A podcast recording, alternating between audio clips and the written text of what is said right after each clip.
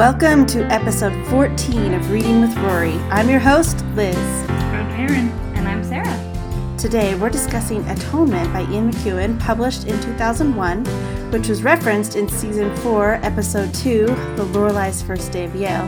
This is an actual book from the list that Rory is seen physically reading, not just quoting or referencing in a quippy way. So she's actually reading it. I see it happening on the show. um, so that's exciting. Before we get started, in the spirit of Gilmore Girls marking every occasion with food, we are all here together eating the same food. So we're eating some fudge cookies from Leslie's Bakery. It has like an orange component to them. That's They're very delicious. so good. Yes. It's a little treat. It's a good time. It is.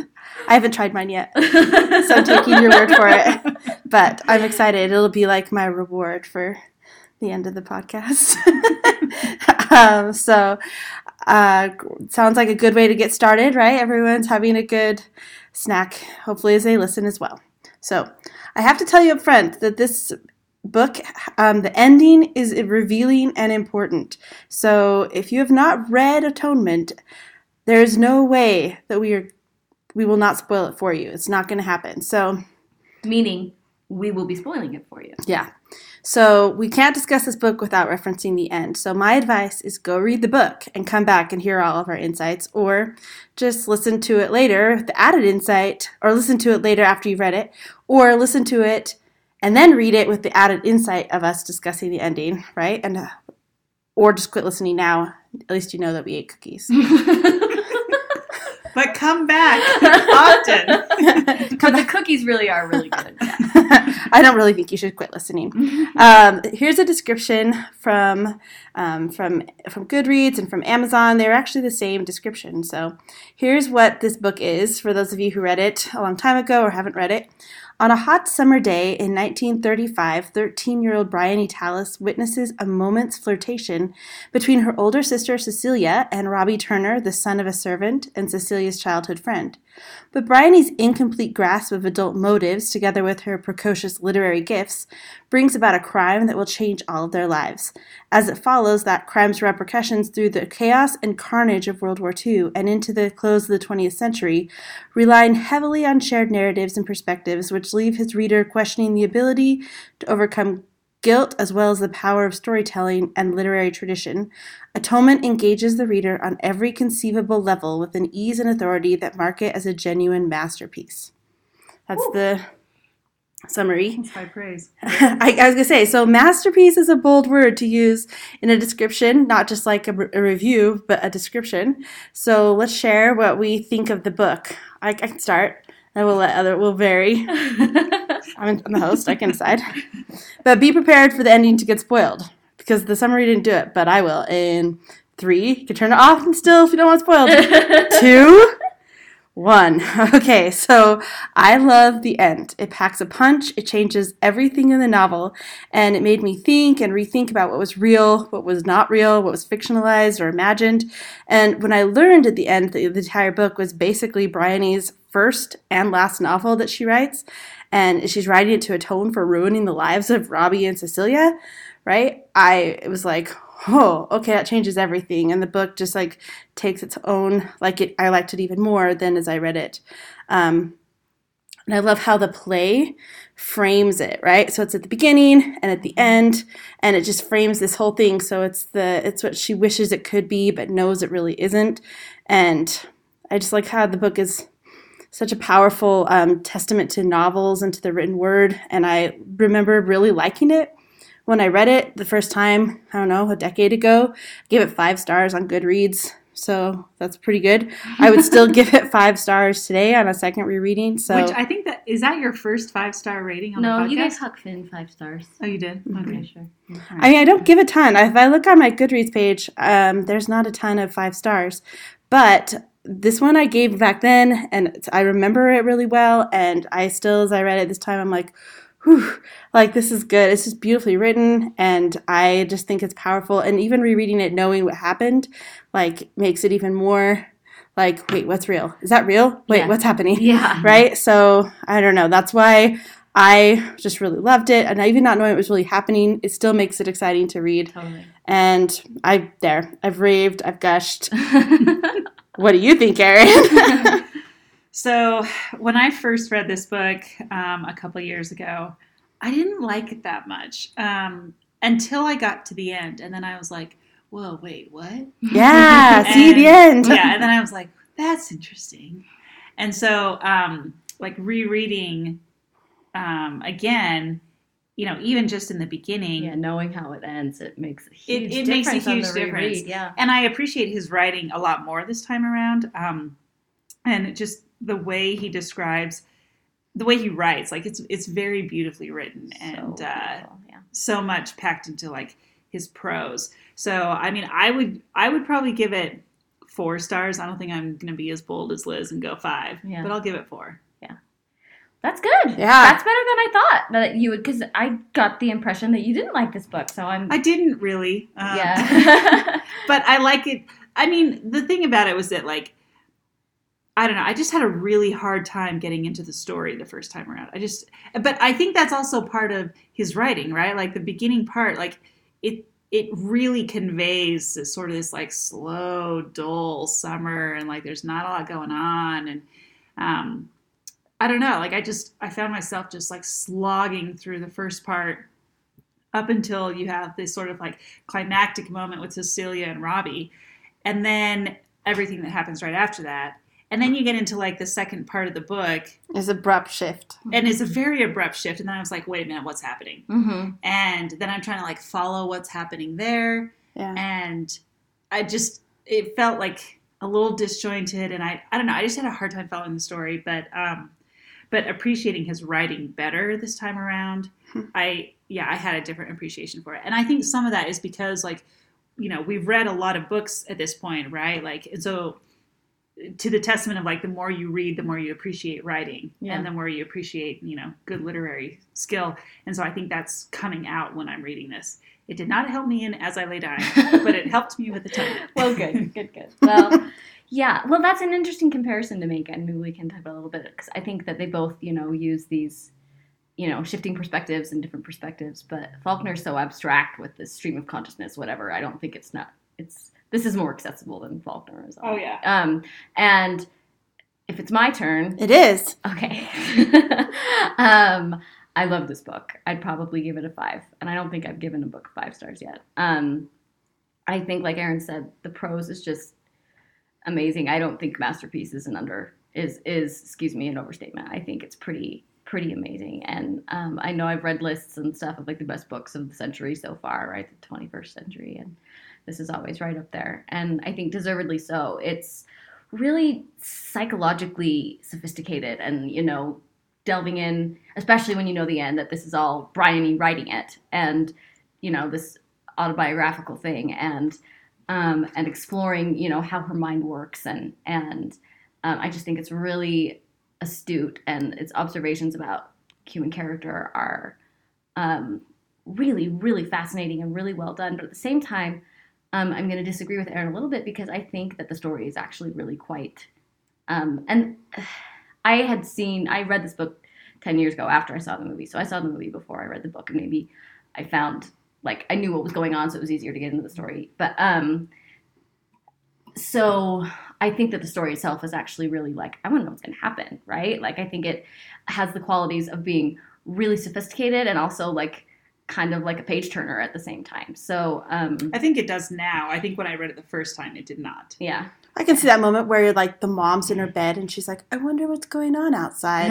and then like the brother's out on the balcony or the terrace Yeah. having drinks. Yeah. And it just takes a long time to kind of set it all up. And it's and, very and when you don't know where it's going you're Yeah. like, what is the point of or you're this like, Yeah. why are they showing this fountain scene three times? Right. Yeah. Like- yeah. I got that already.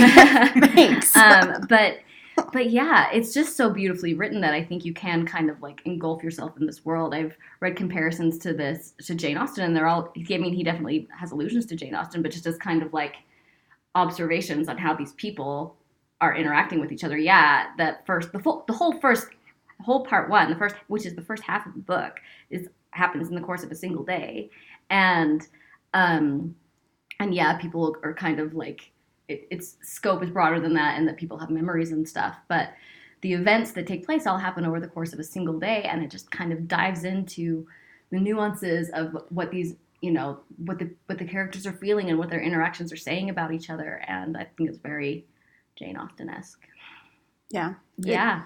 It, I mean, it does. It's that whole pers- first part at the beginning where it references Northanger Abbey, Yeah. right? Which is such a good. It should, if, if you know you've read Northanger Abbey, you're like, oh, I know it's coming. Yeah. because I mean, Catherine Tilney in Northanger Abbey, you mean Catherine Morland? Moreland. I like to think. You, you like to use her married name. yes, I do. This is projecting.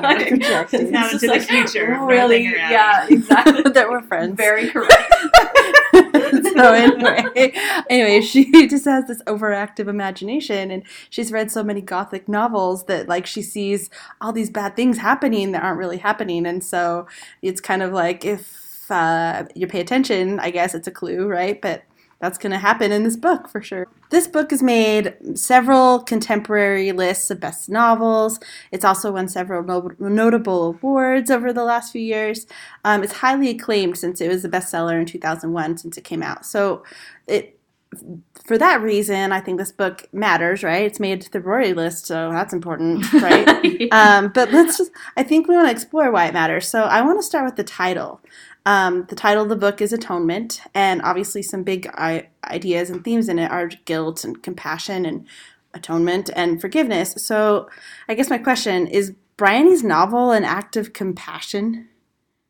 Do you think that like her writing this is an act of compassion, or is it presumptuous of her to pretend that she knows that what Robbie and Cecilia would be feeling? yeah. Well, do we need to further explain to our listeners what? I think we probably think should. We probably are spoiling do. the ending and talking about it. Yeah. Let's give a very brief description. Yeah. Okay, do it. Okay. Essentially, to our listeners who aren't familiar, what happens in this book is um, that Bryony is this this young girl, and she uh, witnesses her sister and um, this man who's like a family friend Oh, she loves him. and she loves him but yeah but like so um like kind of their this their interactions and flirtations over the course of this day which she misinterprets. And bryony sees robbie who her sister cecilia loves as this dangerous threatening um uh, man she and and so um they have cousins visiting and while the cousins are there they're also they have a, another friend that comes to visit with their brother and they're having this family dinner. And during the dinner um, some of the cousins run away and one of and the older girl cousin goes out to look for him and in the course of that she's raped by one of the house guests and bryony who's kind of told the story in her head um, accuses she's the only witness and she accuses robbie her sister's lover of raping her cousin when it was not robbie and um, and he goes to prison and eventually World War II starts. World War II, and then leaves prison and goes and fights in World War II.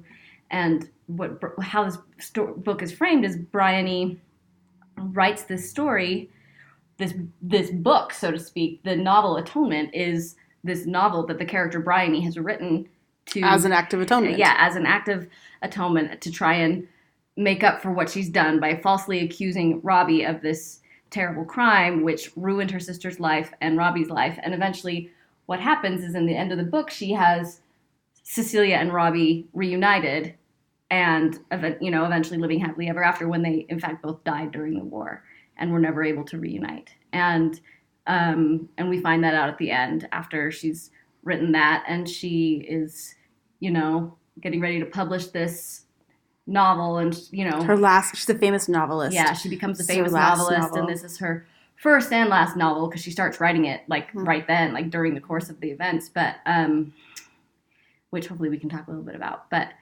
but yeah, so Okay. as far as so I think that's what you know, it's called atonement because the whole act she she feels like writing this story and giving them their happy ending through this story that can be out in the world. As long as that what does she say? As long as always a certain kind of reader who will be compelled to ask but what really happened? The answer is simple. The lovers survive and flourish. As long as there is a single copy a solitary typescript of my final draft then my spontaneous fortuitous sister and her medical prince survive to love so that was kind of how she sees it as this act of atonement, right? As long as as this version of events exists in the world, then I gave them their happy ending. I didn't take it away from them, which I think is silly. I think that It's presumptuous. yeah, I don't. I mean, I think it's powerful. It raises some interesting questions, but ultimately, no. They both died these tragic deaths, and they were robbed of those years together, and it was because of her. And I think her overactive imagination is what got them in this predicament, and it's not going to get them out of it. And I think likes to think it's comforting for her to tell herself that, but I ultimately don't think that it is. I don't know though. I mean, I think that because to some extent, right, like when all of those events happened, she was what, like 13? Mhm. And didn't, like, she had no understanding or very little understanding of what was happening at that level, at that adult level. Right.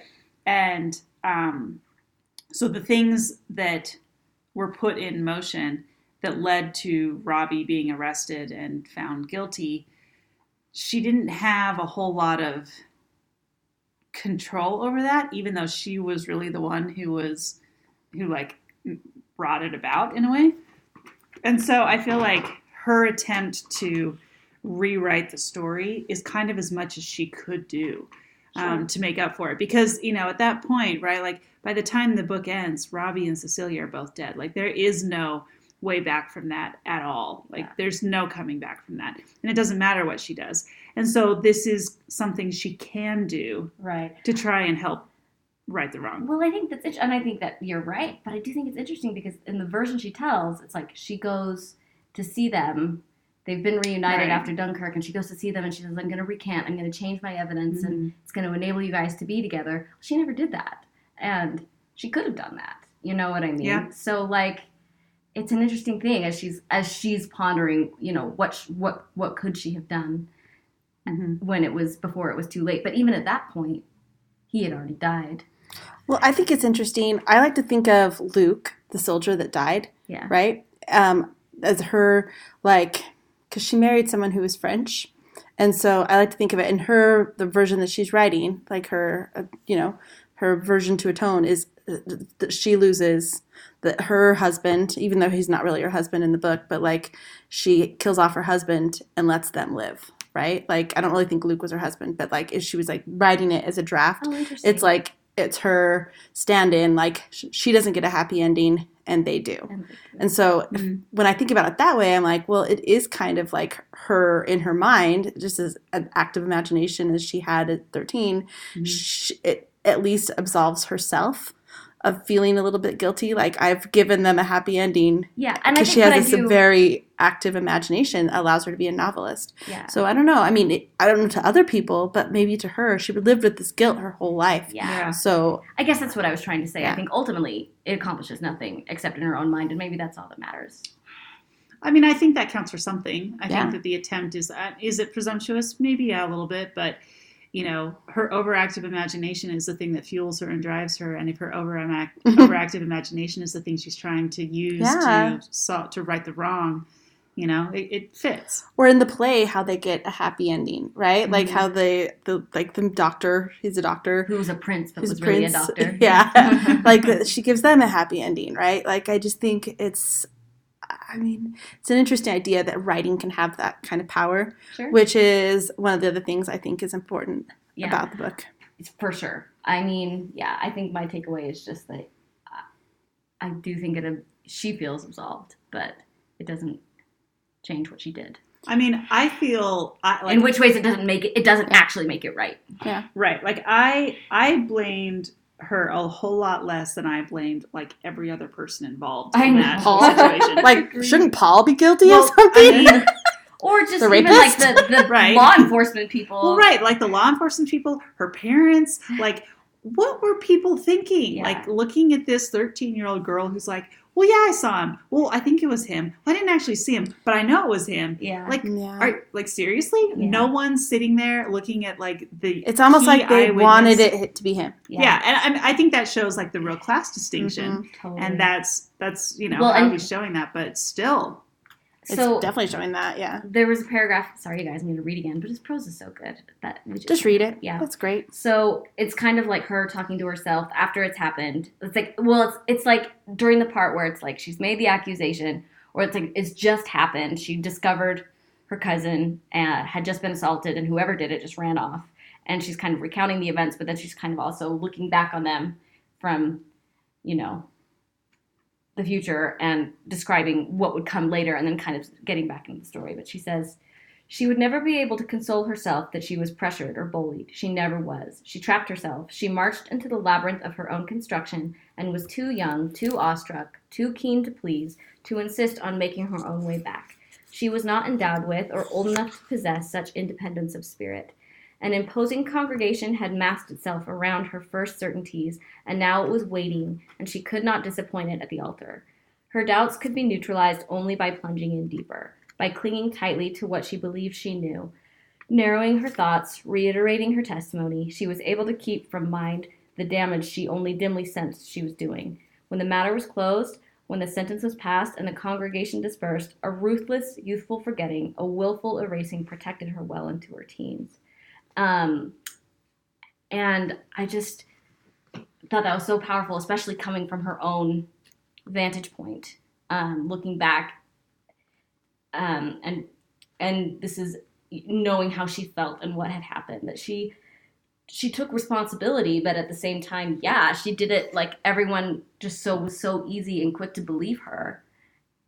And she was young and a child and eager to please and couldn't feel like she could back out even if she did have any well and she wouldn't have any grasp as a young child too on like um, people are bad or people are good. Right. And Robbie must be bad Mm-hmm. Because of what he wrote. And Yeah. Robbie must be bad because of Oh, yeah, what she saw in the library. Mm-hmm. And Robbie must be bad because, I mean, it was like her well what was so growing up really quickly. Yeah. Like Mhm. really quickly right Yeah. then, right? Well, what was so interesting is because it, like it all started with her seeing that interaction at the fountain, Yeah. right? And she has this like light bulb moment. Like I've only been writing these fairy stories and like you know fairy tales and princes and princesses and life's more complicated than that and i know that now and i'm an adult and i'm an adult now and so that day she Mhm. felt like she had finally grown up and she had And she did. and she and she did but also she didn't Right. obviously she She's created still this not- narrative in her head Cognitively. yeah and like and, and she needed to cling to that certainty Mhm. you know i think a child needs certainty and needs black and white and she she was precocious enough to think oh i'm an adult now and i understand that people are complicated and there's gray areas but then when it comes down to it later that day she's she obviously does not understand that and Mhm. um and i just thought that was such an interesting um, contrast Mhm, mhm. Um, so I'm going to bring in my paper here because I think it fits. So I took a class my final year of law school called Law and Literature, cool and we read books that dealt with different aspects of the law and talked about them. And then and, and we had tried a paper at one point, and so I used this book to talk about um, the um, some of the challenges in dealing with uh, child witnesses and there were two kind of two things that I had talked about, and one of them was um, where fact and fantasy collide, and that you know children. So just to go into this, um, that there's this like long-standing belief that children are just incompetent to act as witnesses, Mhm. and that they don't understand anything, they don't remember things correctly, and they're just incompetent. But the reality is that, like in a child's mind, they actually remember facts very similarly to how adults do. Like their recollection of facts is not far off from an adult. What what differs is the way their mental development alters how they explain those facts. And a lot of times, if they encounter things that they are not familiar with, they use fantasy as a way to construct a way of explaining it. Mhm. And so, like, that's really what's happening here. Like, she's seeing things she does not understand, things that are new to her in this situation with the fountain, and when she finds them in the library. She doesn't get it, and so she has to wrap a fantasy around it to explain it somehow. And the Hmm, that's fantasy, interesting. yeah, the Mhm. fantasy is Robbie's bad, Uh-huh. Yeah. he's this evil guy, blah, blah, blah. And then later, when She grows up. when she grows up. Well, it- well, and later when she discovers Lola, and you know being raped, sh- that fantasy is still so vivid in her mind that it just continues the narrative, Mhm. And she can't like pull away from it because she has no other way to explain it. Yeah. and um, it's fascinating. And then the other thing that comes with that is um, the power of suggestibility, and that uh, and there was a quote. Um, in the book that kind of goes with what you were saying, Sarah, where it says um, she was asked again and again, and as she repeated herself, the burden of consistency was pressed upon her. What she had said, she must say again. Minor deviations earned her little frowns on wise brows, or a degree of frostiness and withdrawal of sympathy. She became anxious to please and learned quickly that the minor qualifications she might have added would disrupt the process that she herself had set in train. So many decent people could not be wrong, and doubts like hers, she's been told, she'd been told, are to be expected. Um, Bryony did not wish to cancel the whole arrangement. She did not think she had the courage, after all her initial certainty and two or three days of patient, kindly interviewing, to withdraw her evidence. And so you're looking at children. Yeah, and- like yeah, like she just she couldn't. She was so anxious to please, and you see that at the beginning of the book, right, where Yeah. she goes into her mom and well, the whole thing of the play, right? Like all she wanted to do was make Leon happy. like that was the whole point of the play was Oh, just to make she, Leon happy. yeah, except she also wanted to like teach Leon a lesson, right? Well, right, right. And so, like, I, I'll, that's what I think is so fascinating to, about her character is that she needs to create, like, she liked the idea of, um, what was the, I think I highlighted it. You might have to cut this out. Sorry, but um, you know, the idea of writing a play versus writing a story, and how Yeah. she can have so much more control over a story. She Yep. needed to have Mhm. control. And this was her way of like she'd written this play and she was so excited her cousins were going to come to visit, they were going to put it on, but as soon as they come, like there are elements out of her control that that she and she's such a little control freak um Mhm. that uh you know she gets so frustrated and and things start going astray and she just needs to she likes that she can tell a story because she's you know the she can make things what they should be which is what's so fascinating about the larger yeah. story itself But that's this also when she says that, she's saying that as a grown woman. yeah Yeah. Like she it's, so all the perspectives are just so like we read what she's saying here, we're like, whoa, like she feels like an adult. Like a 13 year old knows you feel like an adult, Yeah. right? Like that is her yeah writing it as an adult, thinking like I need to put myself in this light. yeah I mean, it's just like it's hard to trust yeah what how reliable her narration is Well, this made me because think this is like the almost the last paragraph of the book, talking about that she's changed the ending of what really happened. And she said, The problem these 59 years has been this How can a novelist achieve atonement when, with her absolute power of deciding outcomes, she is also God? There is no one, no entity or higher form that she can appeal to, or be reconciled with, or that can forgive her. There is nothing outside her. In her imagination, she has set the limits and the terms. No atonement for God or novelists, even if they are atheists. it was always an impossible task, and that was precisely the point. The attempt was all. And I just well, that the attempt of an atonement Yeah. is fascinating, yeah, right? right. Mhm. The- just because you can't actually do it, just the attempt is, is is what counts because you were the creator of this universe. You know, I don't know. And comparing the novelist comparing herself to to a god, yeah, right? Like Yeah. they create something, Yeah. and then calling it because I mean, there's a lot of words you could use to say like what the novel is trying to do, right? But to call it atonement is very, um, it has just this like implication that she is playing God. right. So Yeah, it's fascinating. I mean, what about the characters? Uh, well, let's go back. What about like the writing? Because like she uses writing. She is a novelist, and when she's done done, she goes to sleep. She's done writing, right? So the act of writing is so important. Like all the characters in it are like Robbie's constantly reading books, and they write letters to each other in the war. Robbie and Cecilia, and like that's their primary mode of like, Communicating how Communication. they feel, yeah, because they can't Mhm. say. And they like Mhm. communicate as if like they were literary characters. Mhm. right? Which is interesting that that's how Bryony has them communicate because like she doesn't know them well enough to. Right, but she does say she gets their letters from the War Museum. She didn't make that up. I feel like. Um, I, don't I guess we don't know if she made that up, but she Uh. does say that the that Yeah. their letters were available at, Well, the, at the Imperial. I mean, just War writing Museum. just spurs so much of the action in the story. I mean, Right. Robbie even writing a note when, like, if he wouldn't have written his note and she got the wrong Yeah. note, Mhm. like, I don't know that anything would have happened. would have happened. They were like not communicating very well, right? And so it's almost like all this just writing is is just the powerful thing that you can tell that McEwan Yeah, is like in love with writing, right? Yeah, so he's gonna write a book all about it, which is I think one of the reasons I it speaks to me. The book does in a lot of ways, just because it's a language I like. Just using that as its. I mean, the war is running through the second part, but even then, it's about writing too, right? It's his letters. It's about. Um, it's about how he's just walking to get back to her, but it's not about fighting. Mhm. Like there's no fighting in Yeah. that war part at all. Mhm. So I think that's just kind of an interesting depiction of it, or how Bryony has to um, write to redeem herself, even in her like when she talks to Robbie and Cecilia. They're like, "Go write a letter and make it better." Mhm. Like writing is going to be what she does to make it better. Yeah. Like it's just all Yeah, throughout the book. So true. I don't know. I find that powerful. Um, so the next thing that we should talk about today, because it's not necessarily like oh, we read this so differently now because it wasn't written very long ago. Yeah.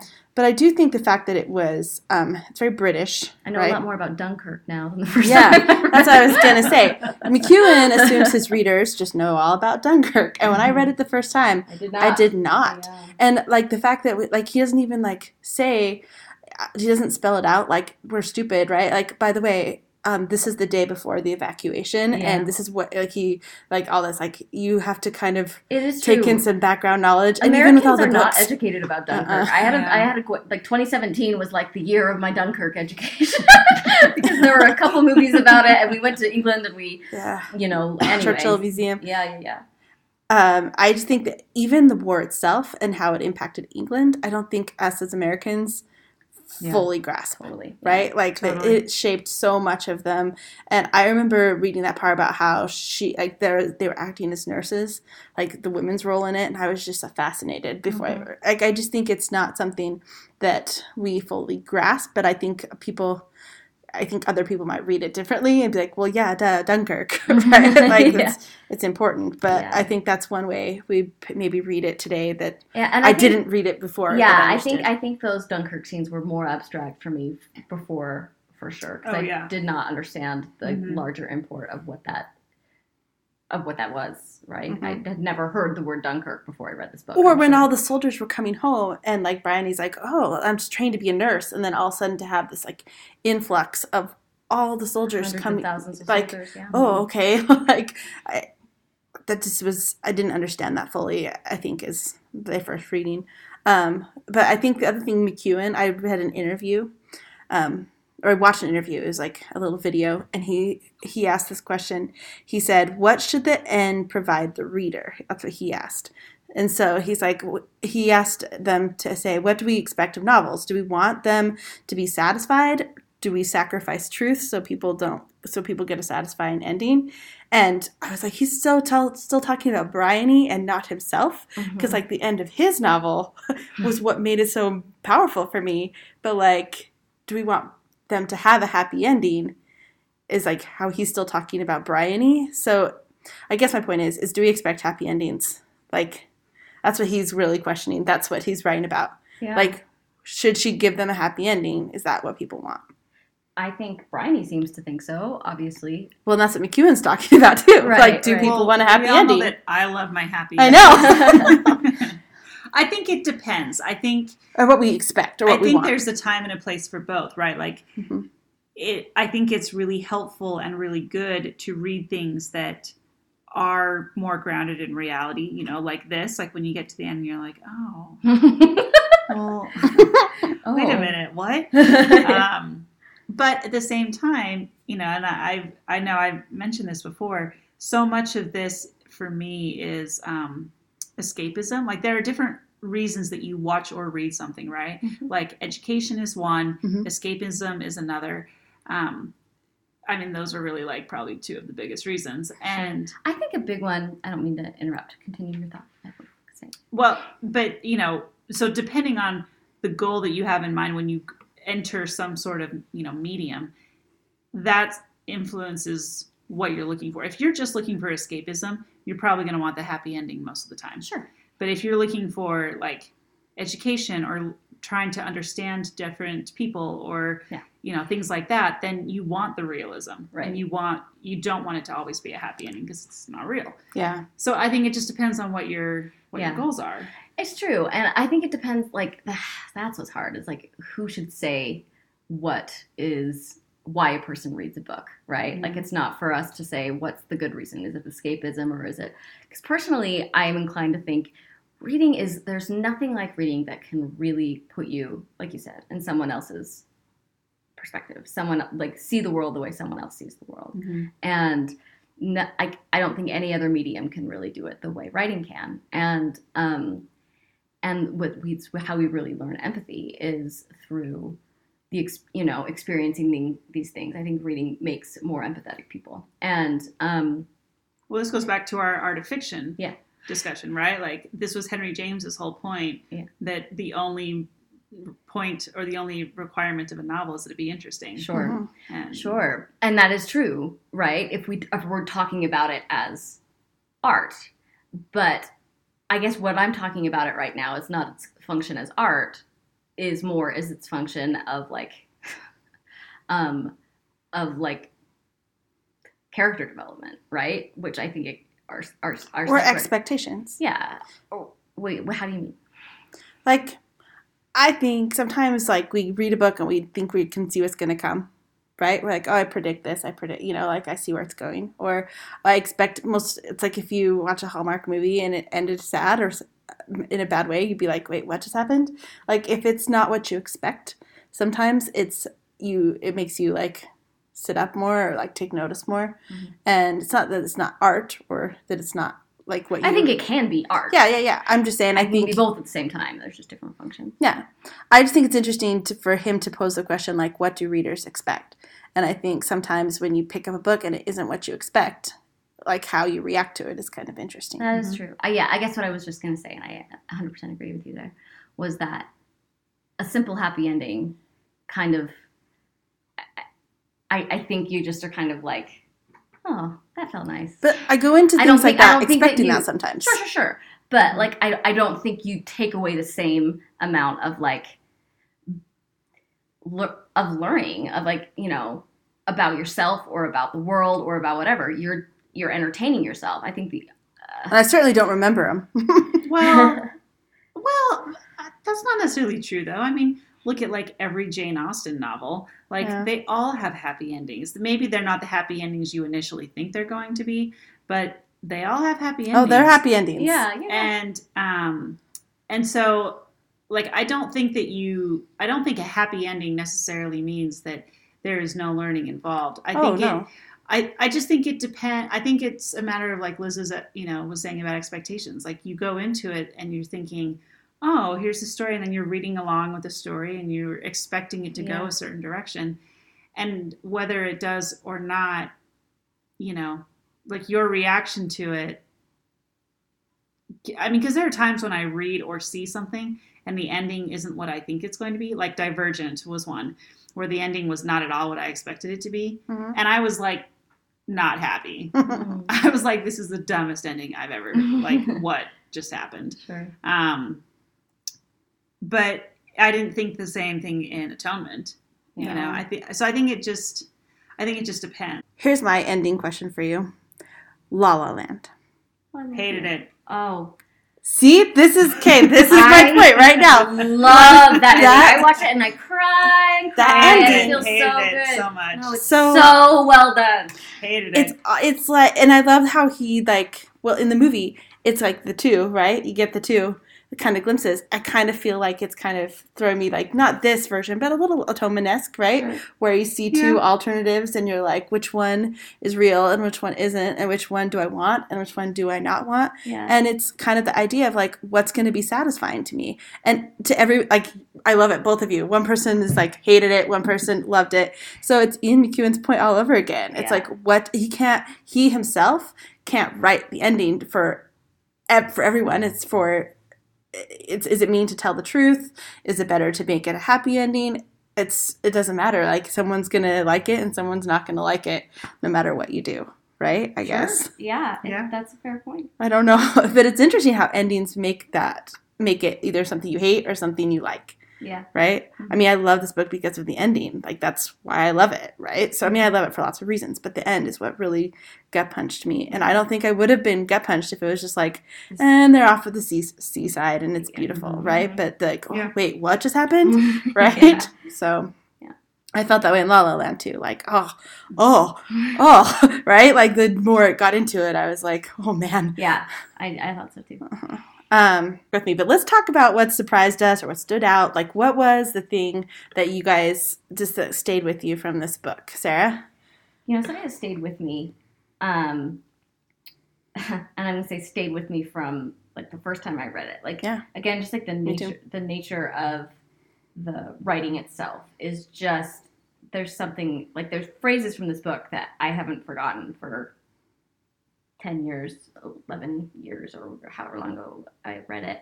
But Wow. especially the part where he was, he's walk, where he's walking, right? And he's like, like the rhythm of his, of, of his steps as he's just like trudging along and he's like, we walk across the land until we get to the sea kind of thing, right? Just kind of this vivid, like description of how, what's go, I don't know, like that stuck with me in like so many instances when I'm just like walking somewhere really far. Like you're trudging through Dunkirk, which you didn't even know about at the time. no, yeah, but just like I didn't like that whole piece of the book is really just like his state of mind is so all over the place and like it's so internal hmm and um, as he's reliving what happened the night he was arrested as he's you know just kind of like all this carnage around him that he's just kind of like Yeah. you know, growing numb to it, his his wound that's slowly getting worse, but you don't necessarily get a sense of how much worse. But even just the just like the, like the cadence to the writing has Mhm. has stayed with me. Like the way he wrote that, I could hear it in my head as he was walking. You know what I mean? And like that was um that was something that stayed with me for years. And um I think that just the the writing itself is just so incredible. Um, I love the part. You can find your quote, but I love the part. What you're saying. This is very. Um, this is very. It's because I think it, why it stays with you is because the key points are almost like these short sentences. So like when she writes in that letter, she says, "Come back," like just come back. Like how that phrase is just so repeated. repeated. And um, there's this one, and she says, I'll wait for you was elemental. It was the reason he had survived. It was the ordinary way of saying she would refuse all other men. Only you, come back. Her letters and the repeated mantra that carried him to end, or so we are to believe, right? Yeah. Like, wh- whatever it is that, like, that's what carried him is that that one brief interaction and she kept saying that phrase over and over like having this like not catchphrase that's not the right word but just like this very simple phrase like oh i love you come back come Yeah. back and that's what got him through all that i mean that's pretty powerful as stuck i Mhm. remember that too yeah, i don't know if it's just because it's simple right. but it's also beautiful But again, I think it's And the simplicity. powerful. Of, like I think the simplicity of it is what makes it, um, is what makes it so. You know, Mhm. it's not. well and then he's like falling asleep remembering these moments where she Uh-huh. said that like Uh-huh. how do you not how do you forget that Yeah, Mhm. I the green dress. He does. He does like he creates these images that. Um, um, yeah, I don't know. Like I, this was just a passage I underlined that I, um, that I loved, and I think I think just for me, just the quality of the writing is. I mean, I think the story is beautiful and and impactful and and obviously very thought provoking, but just the from sentence to sentence, it's just beautifully written. And he says, then precisely because the day had proved to her that she was not a child and that she was now a figure in a richer story and had to prove herself worthy of it. Like, it's so complex to me that this is like, narr- it's like McEwan being Bryony, also being Bryony. Like the levels of it Mhm. involved, you know what I mean? And it's just, um, it's it's just so well expressed and and it's really sophisticated but still very um, accessible, which I think is a tricky balance to find. Um, and he does it really, really well. What stayed with you Erin Um, What stands out? What surprised you? uh, take whatever you want of those questions. Okay. Go for it. Thank you. Um, yeah, I mean, we've talked about the writing a lot, um, but that was certainly a big part of it. Um, especially there's stuff at the beginning, like I don't know, that this time around, like the when he's kind of setting the whole stage with who these characters are and and really in the mind of um, Bryony as a 13 year old. You know, like it's just fascinating the way that he writes that, and um, you know, like again, we're going with writing here, but It's okay. That's Um, why this book is good. I know. But when when Lola when she's trying to get the play underway and Lola's like, "Well, I'll take the main character." and she's like having her like crisis. Um Fine, I'll be the director. I mean, it's just it's so funny, you know. She says, or he he says in here, you know, self pity needed her full attention, and only in solitude could she breathe life into the lacerating details. But at the instant of her ascent, how the tilt of a scold could change a life. Lola had picked up the bundle of um, Bryony's manuscript from the floor, and the twins had slipped from their chairs to follow their sister into the space in the center of the nursery that Bryony had cleared the day before. Did she dare leave now? Lola was pacing the floorboards, and anyway, she goes, you know, he goes on and on, and um, you know, the advance of Lola's dominion was merciless and made self pity irrelevant, or would it be all the more annihilatingly delicious? and you know, like it just, it's so interesting how he just talks about like the torment of this girl who's so uh, ordered by order and you know lives her life in this structure and then she encounters her wild and crazy cousins Yeah. who completely throw the whole thing into chaos and um, you know but just the idea of the power of writing i think is a lot of like what stayed with me and Yeah.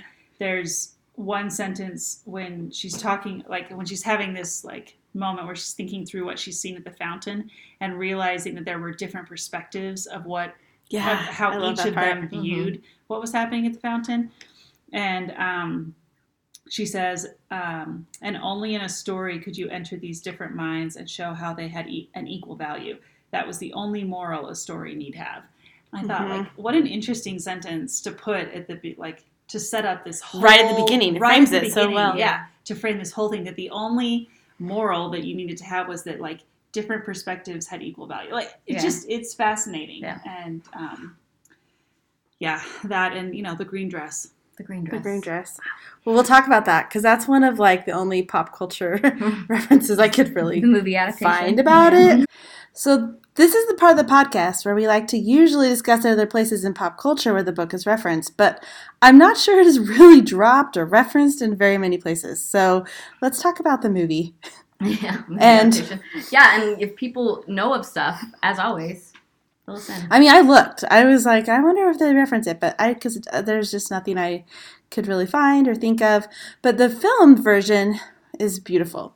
So Joe Wright uh, adapted it, directed it for two. He didn't write the adaptation, did he? I don't think so. I don't think so either. Okay, so Joe Wright directed it in 2007, and um, it's it starred Keira Knightley. It has um, James McAvoy. James at just a McAvoy, peak James McAvoy. He is so beautiful in that movie. Benedict He just Cumberbatch. acts so well. Yeah. Um, So- Saoirse Ronan, like her very first movie role, and she's so she good. is so good. Yeah. um however confession i have not seen the movie Oh, it's okay. out. Um, the green dress that Keira Knightley wears for this like night, this moment, this library. Apparently, I was doing some research, and this is the dress. Like the dress is iconic. Yeah. It was Yeah. listed in InStyle as like um, one of the best um, dresses on in movie in a Like movie. of They compared it to like yeah. Scarlett O'Hara. It's so they well compared done. it to like I mean, it's just uh, beautiful. It's striking. It fits the description of the book but it also yeah. just like is so beautiful on her and it's very 1935 and she just it's just like we'll put a link to the article about it that i found where it talks about how beautiful it is and you can see an image of it because Oh. it's hard on a podcast to describe a dress if you haven't seen the movie or if you want to see the movie i think they do a really good job and one of my favorite things about it is the soundtrack too. um, it is there's like it's Dario Marianelli, and it's incre- the typewriter. Yeah, the typewriter. So it starts out with just like the sound of a typewriter, and it's like overlapping this like beautiful music. It's kind of like the Pride. He's the same director who did Pride and Prejudice, and it's very similar to that music, but it has this like It's clacking of yeah, time same key, uh, t- typing keys over the top of it. So it's like from the beginning, like this is what someone is writing. Like to convey that through music at the film is just very powerful. So and just like a lot of images like even the first image in the film is like the dollhouse version of their house Mhm. and like how she's creating these worlds right like her little toy animals all in the like precise little place Yeah. you know like Yeah. it just can do some things. I mean, it's for a book adaptation for a movie. It adds it adds it adds substance The tracking to. We have to talk about. Okay, talk about the tracking shot because they show Dunkirk really, really well in the movie, and it's. Oh, it's I mean, so so there's this sad. there's this scene. It is very sad. Um, so when they when they show the evacuation of Dunkirk, it's all done in this one continuous tracking shot, right? And it's just mind blowing. I will put the clip of it on YouTube because it's kind of like sort of a momentous thing in film itself, right? Like it was For sure, it shaped how like all these Dunkirk moment movies have should come out, right? Like they had to have watched that and been like, okay, we got to beat that Yeah. because that's good. yeah. It yeah, it starts and it's just this big sweeping like 10 minutes long and it's, you know, the scale of it is huge and it, it feels really tactile. Like there's not um I'm sure that a lot of it is CGI as far as obviously they don't have hundreds of thousands of people on a beach, right? But it's like it, you know, and what's just like the logistics of an actual tracking shot are mind blowing when you think of all the things that have to go right. If one person gets any element of it wrong, you have to start all over. And for a shot that's 10 minutes long, I mean, that's seriously intense. And when you have like hundreds, literally hundreds of moving parts, it just kind of blows your mind. And the music, oh my gosh, the music, the whole thing is just, I mean, it's it's just breathtaking. And um, it was nominated. The movie was nominated for Best Picture. I probably in large part for that shot. Like it was, um, and the visuals in the movie are just pretty, pretty. Um, like yeah, they just knock you out. Um, so they haven't really done anything else with it since then, right? It's Not like it, so of, yeah. there's that. But I think other movies have emulated the Dunkirk moments for sure. Mhm. Um, I did think that there was there was a t- so many literary allusions in the book, Mhm. like a ton. I mean, there's like a whole list of all these books that British novels, British authors that he were in Robbie's room that people talk about. But I mean, definitely the Northanger Abbey one stands out to me, the biggest one. And I wondered. I was I was asking Liz if she thought this. Um, have you read Tess the D'Urbervilles? Yeah. Um, that the character in Tess the D'Urbervilles, who's this um, vile rapist, is a chocolate millionaire, Mm. and I thought it seemed to be more than coincidental that the Yeah. vile rapist. Good eye, Sarah. in- Looking in- for Yeah, I did not think about that. um, they named the book at the end of the book. Um, they renamed the house that the Tallises lived in to Tilney Hotel, which is Captain Tilney and Catherine Tilney. They're married. they got married. so I think that's there. But I mean, there's a lot. Um, and I also saw someone online that referenced the fact that Henry James wrote a novel called What Maisie Knew, um, which is about a girl who accuses someone of a crime.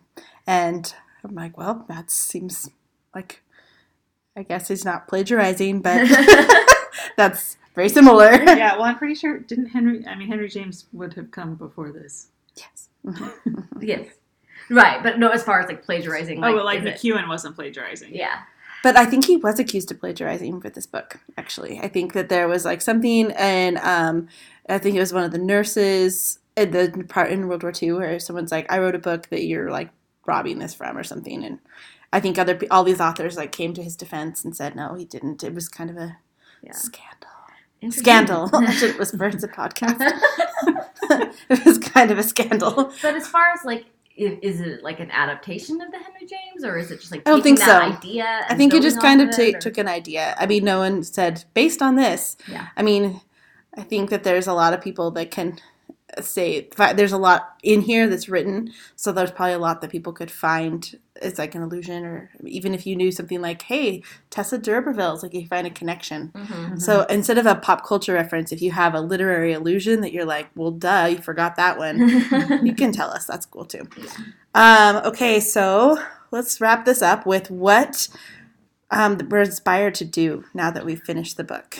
Okay, so Erin, go first.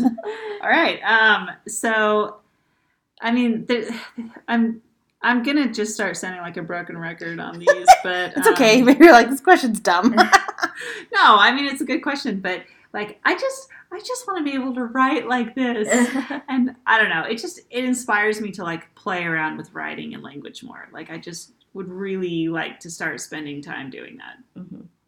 I like it. Yeah, that's a good one. Sarah?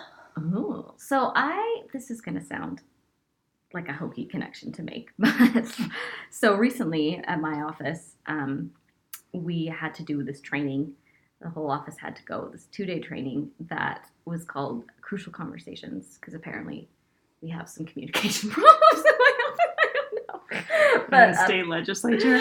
Okay. I'm oh, okay. Anyway, so, um, so the legislators weren't there. It was just just uh, the staff.